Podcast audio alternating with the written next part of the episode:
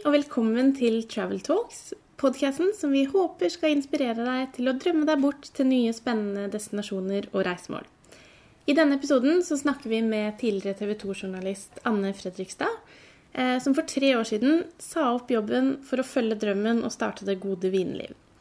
I denne episoden forteller hun om vingården sin i Italia, og hvordan de nå prøver å ta igjen fem måneder med etterslep fordi koronaen satte en stopper for hele businessen da Norge og grensene stengte.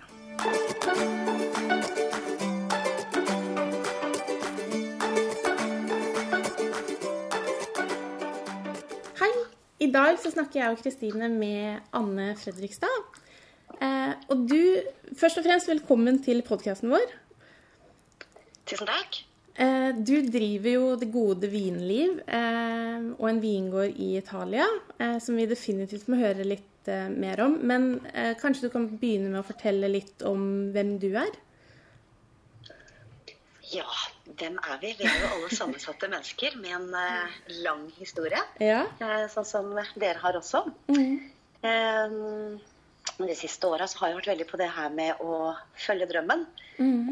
og gjøre det som er godt. Jeg har jobba i hele mitt eh, yrkesliv som journalist, og det har vært en eh, viktig reise for meg. Å sette fokus på det jeg mener trenger å bli satt fokus på i samfunnet. Både av eh, urettferdighet og systemer som ikke fungerer. Men også det som er fint, da. Men Kan du ikke si litt mer om, om akkurat hva du har jobba med? Hva slags prosjekter som virkelig du har begynt å brenne for gjennom journalismen? Det som eh, kanskje var en av mine viktigste saker, det var bioteknologiloven. Som nå Ja, endelig har blitt endra. Ja. Det har vært en, eh, et langt fokus Mm. eh, med det at vi har teknologi som gjør at folk kan få friske barn, eller få barn, Ja. Mm. men som eh, da nordmenn ikke har hatt mulighet til å ta i bruk. I hvert fall ikke i Norge. Men eh, Og som de har reist til utlandet for å gjøre. Og så har jeg jobba som hoffreporter i eh, mange år. Mm. Og dekka kronprinsparet og kongefamilien. Og det har også vært en spennende reise. Og da har jeg også kunnet fått reist mye rundt i verden. Jeg har vært i Vietnam, jeg har vært i Malawi, der du er. Og eh, kunne få satt fokus ikke bare på kongefamilien, men det som jeg føler er viktige prosjekter der, da, sånn som korrupsjon, eh, fattigdomsbekjempelse osv. Mm.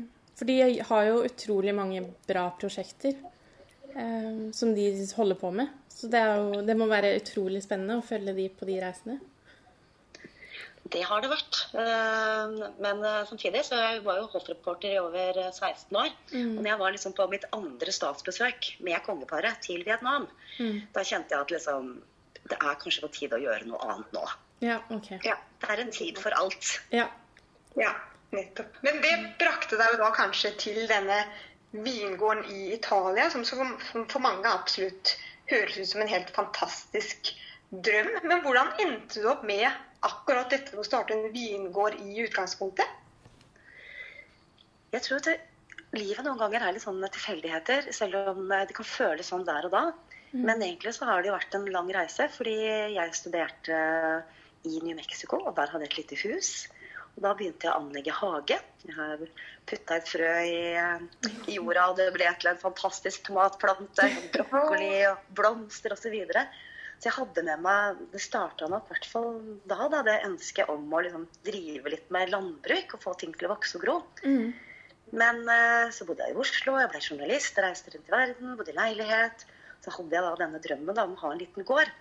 Og nettopp fordi jeg har vært og reist mye i verden også i ungdommen. Og så hadde jeg lyst til å ha det i et annet land. Egentlig et eh, spansk- eller portugisisktalende land, for jeg har studert latin-amerikastudier. OK. Eh, så, mm, men så var vi her i Italia, og så ja, Det var liksom noe vi var på søken etter. Vi var jo så liksom litt rundt, først i Spania osv. Men så var det for dyrt. Og så plutselig så bare plukket jeg opp et magasin på matbutikken. Sånn type eiendom til salgs. Så så jeg liksom et lite bilde, og så så jeg prisen og tenkte akkurat det var ikke så veldig dyrt. Akkurat de pengene har jeg jo. Og så reiste jeg på visning, og så kom jeg hit, og så bare kjente du liksom at Oi, dette er mitt sted. Å, så Å, herlig. så fantastisk. Mm. Og nå er det mitt sted. Eh, så vi har jo brukt noen år da, eh, på å bygge det opp. Jeg har holdt på i over ti år nå. Eh, mm. Sakte, men sikkert. Så um, det var jo egentlig heller ikke meninga å drive en vingård, men det hendte seg sånn at det var veldig mange vinstokker her, og så var det ikke et kooperativ, som jeg tenkte kanskje vi kan bare levere druene fra oss, og så steller vi de. Mm. Så da måtte jeg bare sette i gang og lære det selv, for du kan jo ikke la eh, sånne verdifulle gamle vinstokker eh, gå til spille. Mm. Så um, det har vært en prosess, da, egentlig. Men, men hvordan, altså, hvordan driver man egentlig en vingård? Sånn for de som ikke Altså, jeg kan ingenting om hvordan man driver en vingård. Er det som å drive en hvilken som helst annen gård, på en måte, eller? Eh? Det er det sikkert. Altså, det er jo et, eh, det er jo et sånn, en, en, syklus, da, et årsløp, som mange som spør mm. meg liksom, å, skal du ned og eh, plukke druer nå? Men det er jo selvfølgelig bare én gang i året at du plukker de druene. Ja, ikke sant? Eh, og det er jo bare gjort på noen dager. Mm. Men eh, det er jo et årshjul, og det som jeg har da gjort, er jo faktisk å kombinere det med å bo i Norge. Mm. Det er jo litt galskap, men uh, det gikk egentlig ganske greit. Også da jeg jobba i TV 2, for jeg hadde turløst, Og mannen min uh, han jobber fortsatt i TV 2. Mm. Så vi hadde vi har liksom reist frem og tilbake ganske mye, da. Så det er jo mulig. men det er klart at det er utrolig mye jobb. Mm. Ja. Men hvordan ser en vanlig dag ut på en for deg på vingården, holdt jeg på å si? Akkurat nå på sommeren så innebærer det å stå opp ganske tidlig, for det blir veldig varmt midt på dagen. Ja. Eh, og det vi gjør nå, er at vi eh, tar villskudd av vinplantene. Mm -hmm. eh, fordi da i februar så beskjærer vi, og da er det egentlig bare et par-tre sånne grener som kommer opp. Men disse mhm. par-tre grenene de lager mye grener på seg hvis man ikke tar vilskudd. Så det er det å finne balansen mellom blader og frukt. Mm. Um, og eh, nå har vi også vin som skal flaskes opp. Eh, vi har vin som skal fra i høst, som skal pumpes over fra et fat til et annet for å få bort det siste bunnfallet. Som er en slags sånn naturlig filtrering da, som vi gjør. Mm. Så, og så holder vi på å slå gress, for det har regna veldig mye i juni, så det vokser fort. Mm. Men uh, det er ganske vakkert her akkurat nå, fordi at uh, dette, i dette gresset så er det masse flotte villblomster. Og det er jo også bra for vinplantene at det er noe uh, vekst da, som tiltrekker seg de gode insektene. sånn at de stygge insektene som eventuelt vil angripe vinstokkene, da ikke kommer til, da. Vi prøver å drive mest mulig økologisk på den måten der. Men du, vi hører jo allerede hvor engasjert du er i det her, og hvor mye kunnskap du faktisk har om dette her allerede. Og vi har jo også fulgt med på nettsiden din Det gode vinliv og lest litt om reisen din. Og det virker jo virkelig som alt det du gjør, kommer så rett fra hjerterota. Og du snakker mye om det å følge drømmen, Vinene dine har du navngitt Sonjo og Esperanza, som betyr håp og drøm. Kan du ikke fortelle litt om på en måte prosjektet og hvordan du egentlig har lagt hjertet i det her? For det er, det er så fantastisk å egentlig høre og lese om hele det engasjementet ditt. Ja, det, det, føles jo, det har jo føltes iblant som en uh, viss galskap, da. Og, og, for det er veldig mye jobb. Og jeg, jeg bor jo ikke her engang. Mm. Uh, sånn at det, det er jo Det er klart at liksom jeg tenker åh, ja, det, det, er masse jobb. Det er litt overveldende, egentlig, mm. til tider. Men så er det det der med å få det til. Fordi det er ikke lett å lage eh, drikkbar vin. Eh, og det neste trinnet, det er jo da å lage god vin. Mm. Så det er derfor jeg hadde dette her med navnet på disse to vinene. Fordi eh, Sonja er jo da en drøm.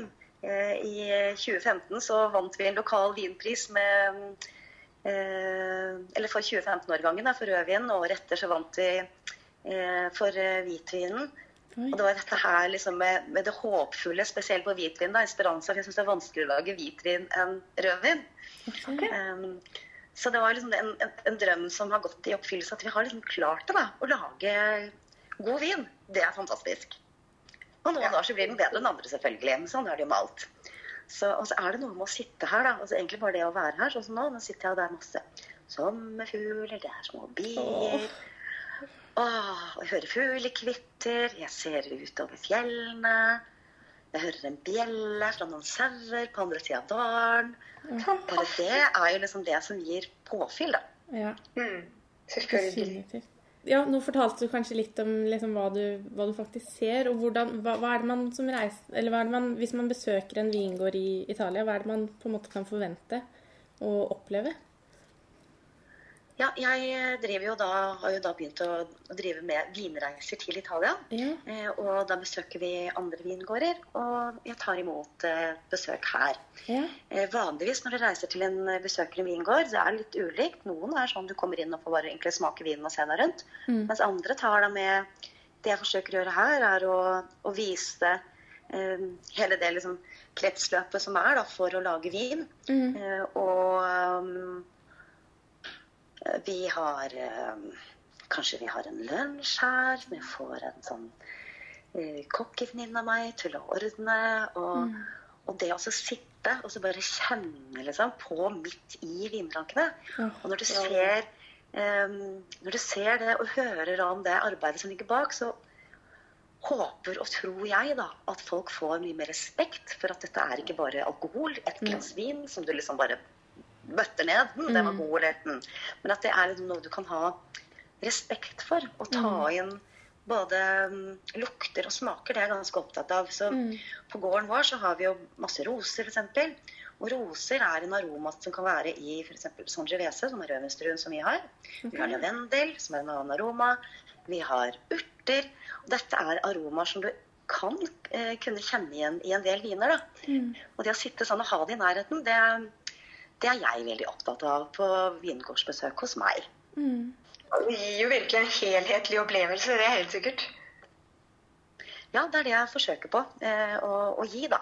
Så um, Det var nettopp derfor vi begynte med det. For jeg fant ut at her sitter vi liksom i dette paradiset, som er vårt mm. paradis. Og så sånn skal vi bare sitte med det her for oss selv.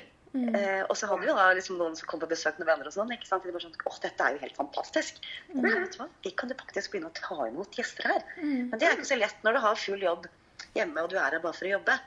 Så, men for litt over tre år siden så tok jeg en sluttpakke i TV 2. Eh, og um, har jo da hatt mye mer tid da, til å kunne være her. Men mm. også, også egentlig ha et levebrød. Så da kunne jeg egentlig ikke bare ta imot folk som ringte og sa hei, kan vi komme innom og se? Men uh, at jeg måtte gjøre det til en jobb, da. Mm. Og det er kjempegøy. Ja, selvfølgelig. Men, men, bare før vi går videre med egentlig den reisedelen, jeg må jo høre litt mer også om disse vinkonkurransene du faktisk vant. For det som nordmann som er ny i gamet, å vinne over hardbarka, tradisjonsrike italienske vinbønder altså, det, er helt, det, er jo helt, fantastisk at du klarte det. Hvordan, hvordan gikk det for seg? Hvordan klarte du det? Det er jo helt fantastisk. Ja, nei, jeg hadde jo ingen øh, jeg hadde ikke noe tro på at vi skulle klare å vinne en sånn konkurranse. Det var jo en venn av meg som faktisk insisterte på å ta med noen flasker vin til denne konkurransen. Eh, og jeg tenkte ikke mer på det. Vi dro hjem til Norge. Før de klikka inn en kveld et bilde fra en venninne av meg, som de er profesjonelle vinprodusenter i området. Eh, og hun sier at og her er liksom Pierluigi som tar imot et eh, diplom. Pierluigi er da han vi kjøpte vingården av, som fortsatt går her og hjelper oss. da. Ja. Eh, så han på vegne av, og egentlig det var det jo helt fantastisk at han mottok det diplomet. Ja. Fordi han har jo laget vin her i alle år. Ja. Eh, og, um, så det er jo liksom hans eh, vingård også, da. Mm. Eh, og så da måtte vi jo prøve igjen året etter, og da vant vi igjen. Og da var det jo helt fantastisk. Jeg satt der og tenkte kan ikke vinne to år på rad, liksom. Da satt jo hele familien der, og vi bare uh, bet litt sånn negler og prøvde å ikke være for håpefulle. Mm. Så det det er rart med det, men eh, det å få en sånn type diplom, det er veldig viktig. Men Der fikk jeg også beskjed om at vi ikke kunne være med mer, for dette er en lokal konkurranse. Og Da hadde vi vunnet to år på rad. Så da vet vi at nå måtte vi bare stole på oss selv, og at vi lagde god nok vin som det var. Så det var bare ja. å få den ut til folket. Ikke sant. Men gratulerer, det er jo helt rått. det er helt fantastisk. Men, uh, men tilbake til den altså, For nå er det her en ny jobb, da, uh, for deg. Um, og du har uh, Jeg regner med du, du, nevnte at du uh, pendler litt mellom Oslo og Italia, egentlig. sånn at uh, da har du kanskje folk som jobber på vingården til vanlig. Hvor mange, hvor mange, er i drift på en vingård som det her? Det er egentlig Vi gjør nesten alt selv. Ja. faktisk. Så vi er jo her i februar beskjære i mars for å gjødsle. Ja i april og mars-april, for å Vi har masse frukttrær også. Um, så vi er her liksom egentlig gjennom hele den sesongen. Tar gjerne en pause sånn fra slutten av november til februar. Ja. Um, og så er det da Pulvici, som egentlig er mer en sånn oppsynsmann. Men i år har det jo vært et spesielt år, fordi Ja. vi har ikke fått vært her på fem måneder pga. det berømmelige viruset. Ja. Så um, i år har vi også hatt noen som har kommet og klippet gress under vinstokkene osv. Og, og har da bundet opp og tatt en mye større del i det arbeidet da, i år. Mm. Men så bra å ha Så godt å ha han eh, og liksom kunne spille på, da. Ja, vi trenger noen alle sammen. Altså, Ja. Jeg sier at vi gjør mesteparten selv, men vi alle mennesker trenger hverandre. Ja. Vi trenger å hjelpe hverandre og bistå hverandre og råd og tips. Og heldigvis for han så er det en glede å gå rundt her. Det har han gjort siden han var guttunge. Mm. Eh, og det er en glede for han å se at vi får fine druer og god vin, da. Mm. Det er hans fars eh, som egentlig starta dette her. Så um, jeg tror han syns det er veldig fint å se at vi opprettholder det så fint, fordi han klarte ikke den jobben alene lenger selv. Nei. For han er jo ganske stor. Ja. Okay. Hvor stor er gården? Eh, 14 mål. Men det er ikke alt som er eh, vinstokker. Vi har som sagt eh, frukthage, Mm. grønnsakshage, vi har litt skog osv. Mm. Men det er jo ganske stort, da. Ja. Mm. Det er Men et hav av arbeid. Ja. Et is av arbeid. Og det vokser og gror. Det vokser og gror. Men det, det er jo for så vidt bra. Men kan du ikke fortelle litt Altså, de, dere har jo blitt ganske prega av koronaen. Um, hva, altså nå, nå har dere endelig kommet dere tilbake igjen. Dere hadde jo eh, kanskje en litt annerledes reise ned den gangen her. Eh, jeg skjønte at dere kjørte. Hvordan var den turen? Og liksom, hvordan var det å på en måte sette seg i bilen og tenke at OK, nå, ja, nå, nå, kjører vi? Ja, nei, Med reisefraråd da, så har det jo revet og sletet i meg Mm. at jeg vet at her eh, Er det ting som burde vært gjort? Ja. Ja, ikke sant. Og jeg føler jo at denne vingården har stått og ropt på meg Mm. eh, lenge. Og jeg skulle vært her både for å jobbe, men jeg skulle også hatt eh, vingrupper eh, som da har konsulert. Mm. Ja. Um, så det var det der når kom jeg meg ned igjen, eh, og hvordan går det med årets vin? Mm. Eh, blir alt tapt? Hva, hva gjør vi nå? Eh, og så er jo reiserådene vært sånn at eh, man fraråder all reise som ikke er strengt tatt nødvendig. Og så da fant vi ut at vi vurderer det som strengt nødvendig å reise. Mm. Ja. Så um, mannen min tok tidlig sommerferie, og vi reiste da ved skolen var over, og tok med sønnen vår, som er 13 år. Mm. Og var jo ikke, visste jo egentlig ikke da eh, hvordan det var å kjøre gjennom, om vi kom gjennom det ene landet etter det andre. F.eks. I Danmark så sier de jo at du kommer kun inn i Danmark hvis du har seks overnattinger. Ja. Vi hadde ikke tenkt å være i Danmark i seks netter. Vi, men det gikk helt fint, og det var for så vidt egentlig også det eneste stedet vi måtte vise pass. Alle andre grenser nedover var åpne. Okay. Eh, så du var vi heller ikke klar over. Det var ikke noe problem. Vi overnattet i Tyskland. Eh, der var de bare tok oss imot med åpne armer og var så glad for at det endelig kom noen eh, gjester igjen. ikke sant? Det var en liten familiebedrevet eh, gjestehus. Eh, mye, min- mye munnbind der ute. eh, Mm. Som preges gjennom eh, I forhold til Norge er det lite bruk av munnbind. Mm. Men eh, det gikk altså så fint, så det var bare veldig godt å endelig komme tilbake etter Ja. faktisk Ja. fem måneder borte. Men hvordan har, har hele koronaen preget altså situasjonen deres med vingården og produksjonen? Du sa litt om det, men, men har det vært et veldig stort setback, eller hvordan går det, rett og slett? Ja, altså det er jo litt sånn todelt. Altså En ting er vingården. Det er klart at det, nå er det, Selv om vi har fått noen til å slå litt gress og gjøre ting, så har vi ekstremt mye som ikke er slått. Og mye arbeid i vinkjelleren som Så vi har jo et veldig stort etterslep, da. Så spørsmålet er jeg, tror I år så blir det ikke like strigla som det kan være andre år. hvis dere skjønner hva jeg mener. Mm. Eh, vi får eh, i år bare innfinne oss med at det er litt ugress her og der Så, ja. Eh, hvis ikke så blir man jo veldig overveldet. Og sånn er det jo egentlig i livet generelt også. At vi må egentlig bare tenke at eh, ok, noen ting må du la være. Du kan ikke gjøre alt perfekt. Så det er det ene. Og det andre er jo at Ja, nå er det litt over tre år siden jeg starta opp og begynte med vinreiser. Og det var jo en kjempesorg at årets vinreiser ble kansellert. Mm. Ja. Det er klart at for min del så dreier det seg jo kanskje om en halv i hvert fall en halv årslønn, hvis ikke mer. Vi får se hvor lenge dette her varer, som da er gått tapt. Og mm. som som, mange andre så er vi jo avhengig av å ha inntekter. Mm. Ja. Men uh, Så dere vet jo det som selv dere også er i reisebransjen, at dette er en, en veldig vanskelig tid. Vi vet jo ikke som sagt hvor lenge det varer, men vi får bare håpe at folks reiselyst kommer tilbake. Mm. Ja. Og la, oss, og la oss snakke litt om nettopp akkurat de turene som, som, du tilbyr. Altså, vi har jo sett gjennom nettsiden din, vi har lest om kvinneturer, vi har lest om en årlig kirsebærtur i Aqua Pendente, som er landsbyen du bor i. Altså, det ser helt magisk ut å være på tur med deg. Kan du ikke fortelle litt om akkurat den type turer som du faktisk setter opp?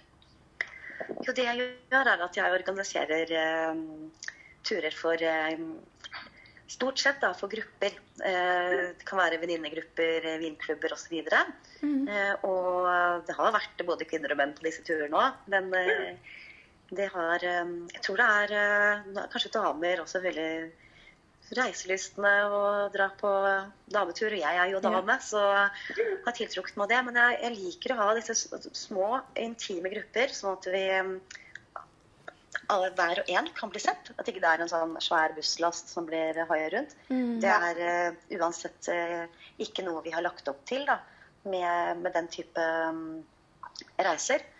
Sånn at, uh, og jeg, Det skreddersys egentlig har liksom et sånn standardopplegg, og så er det noen som vil gjøre noe mer. Eller, og så kommer det litt an på årstida. Det er jo varme kilder i området som vi kan besøke. Det er alt fra Michelin-stjernerestauranter her til eh, små osterier som eh, du får verdens beste pasta til liksom oh, slikk og en ingenting. Eh, og du får et glass eh, bordvin i, eh, i plastkrus til. Ja, liksom.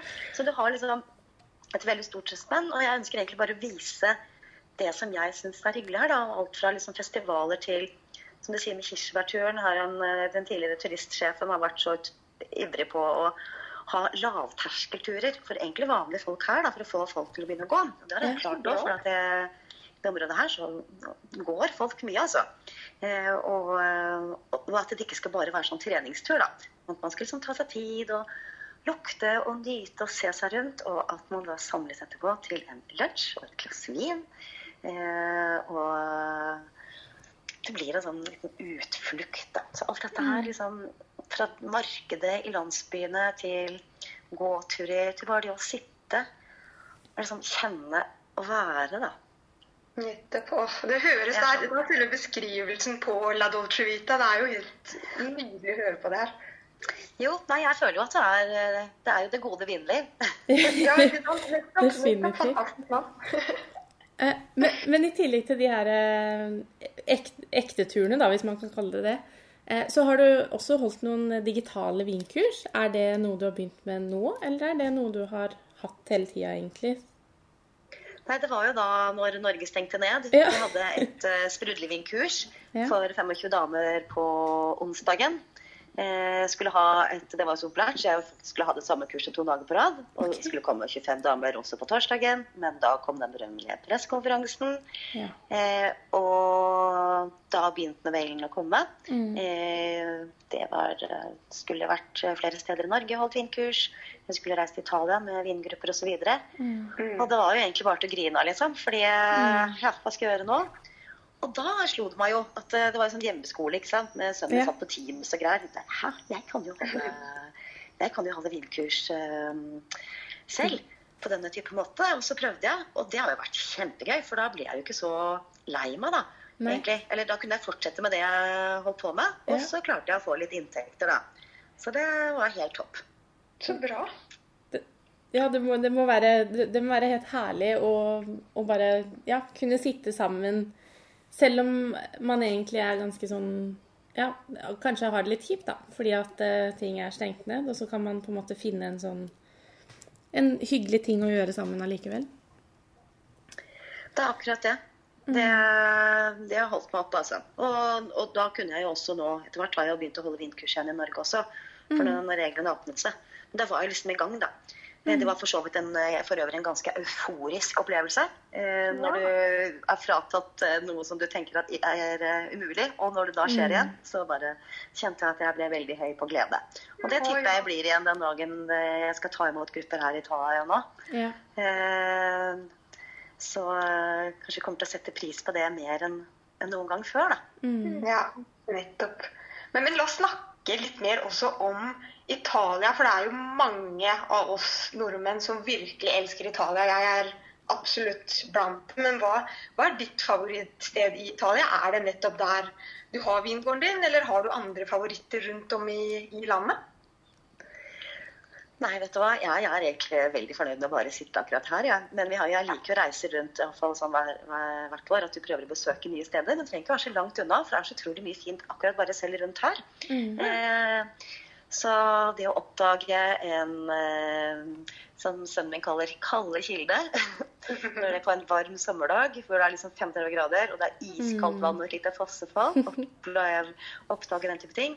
Eh, besøke en, en liten landsby som ikke har eh, sett før. En ny vingård. Det er så mange vingårder å besøke. Eh, og man tenker kanskje at de er like, men de er jo ikke det. Så, um, så har vi jo havet ikke så langt unna. Jeg syns det er veldig ålreit innimellom å ta en dag og bare kjenne, liksom, sitte på en strand og kjenne havet.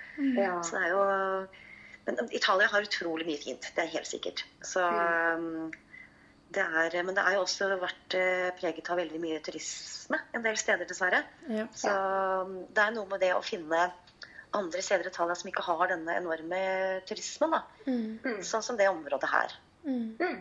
Men si litt også om området dere er i, for det, for det ligger i Lazio, sant? så faktisk ikke så langt fra Roma. Nei, det er nettopp det. Og det er jo mange som drar til Roma, men de reiser kanskje ikke så mye rundt. Det er jo noen Mm, badesteder i nærheten og sånt nå. Mm. Eh, Lazio er jo ikke akkurat sånn verdensberømt for uh, vin, men vi ligger jo da tre kilometer fra grensa til Toskana. Og så er uh, Umbria uh, heller ikke langt unna. Så vi er liksom i det krysningspunktet der, da, som heter mm. Tuscia. Så her er det små, store åser. Eh, mer kupert kanskje enn en del steder i Toskana. Eh, det er eh, i hvert fall fra her jeg sitter, jeg si, det er jo svære områder ja, som ikke er bebygd. Mm. Veldig sånn fredfullt. Så vi Bolsena-sjøen som ligger rett ved, som er en vulkansk innsjø, som det er ferskvann. Det er veldig fint her, altså. Ja. Det høres helt nydelig ut. Men, men hvilken årstid er liksom din favorittårstid? Eh, Er det de månedene du, eh, du vanligvis er der, eller er altså Ja. Ja, Hver årstid har jo sin sjarm. Ja. Eh, Men det er klart at det er jo noe med forsommeren. da. ja. Sånn mai her, hvor det er lidderlig vakkert. Juni, lidderlig vakkert. Og så før den voldsomme varmen i juli og august ja. kommer. Eh, For da står det jo liksom litt stille. Da er det jo det er litt mer gulere gress osv. Mm. Eh, september er også veldig fin. Rolig, stille. Den eh, verste varmen er forbi. Eh, ja, også oktober. Da høster vi jo. ja. Eh, da har vi, vi har tre spørsmål som vi stiller til alle som er med i podkasten. Eh, så da lurer vi egentlig på hva er din favorittdestinasjon, og hvorfor? Min favorittdestinasjon, det er jo helt klart min egen vingård. Ja. Å ja, det er jo her jeg liker best å være. Og spesielt i år hvor jeg ikke har liksom kunnet vært her på flere måneder. ja. Så nå har jeg vært så heldig å kunne reist uh, Har reist egentlig ganske store deler av verden. Både som journalist og også privat. Mm. Så jeg har ikke det samme behovet lenger for å oppleve mange nye steder. Nei. Du har liksom funnet roen der. Ja. Mm. Ja. Hva, hva er ditt beste reisetips? Mitt beste reisetips, det er å komme til Italia. Ja. Enig. Ja, og, og ta noen dager og prøve å reise i deg selv. Mm. Fordi man tror at man skal reise for å oppleve nye ting, det gjør man jo. Men Mm. enhver reise er egentlig en reise i seg selv, da. Mm. Det er veldig, ja, veldig sant. Og, men i det, da, er det noe du skulle ønske reisende gjorde mer av? Jeg tror det er egentlig å ta sånne småturer. Altså Vi må være litt forsiktige med denne masseturismen som gjør at mm. uh, Venezia flommer over, og uh, folk har uh, i Stavanger har um, turister som går inn i hagen deres osv. Jeg, jeg tror mm. på småreiser og støtte lokale bedrifter. Mm. små hoteller, ikke bare store kjeder. Mm. små familiedrevne restauranter osv. Mm. Det er viktig, det. Det gjør at du får en helt annen opplevelse òg mm. når du er ute. Eh, tusen hjertelig takk for at du var med i podkasten vår, eh, Anne. Det var kjempehyggelig ja, å høre om, om veldig spennende å høre om den vingården.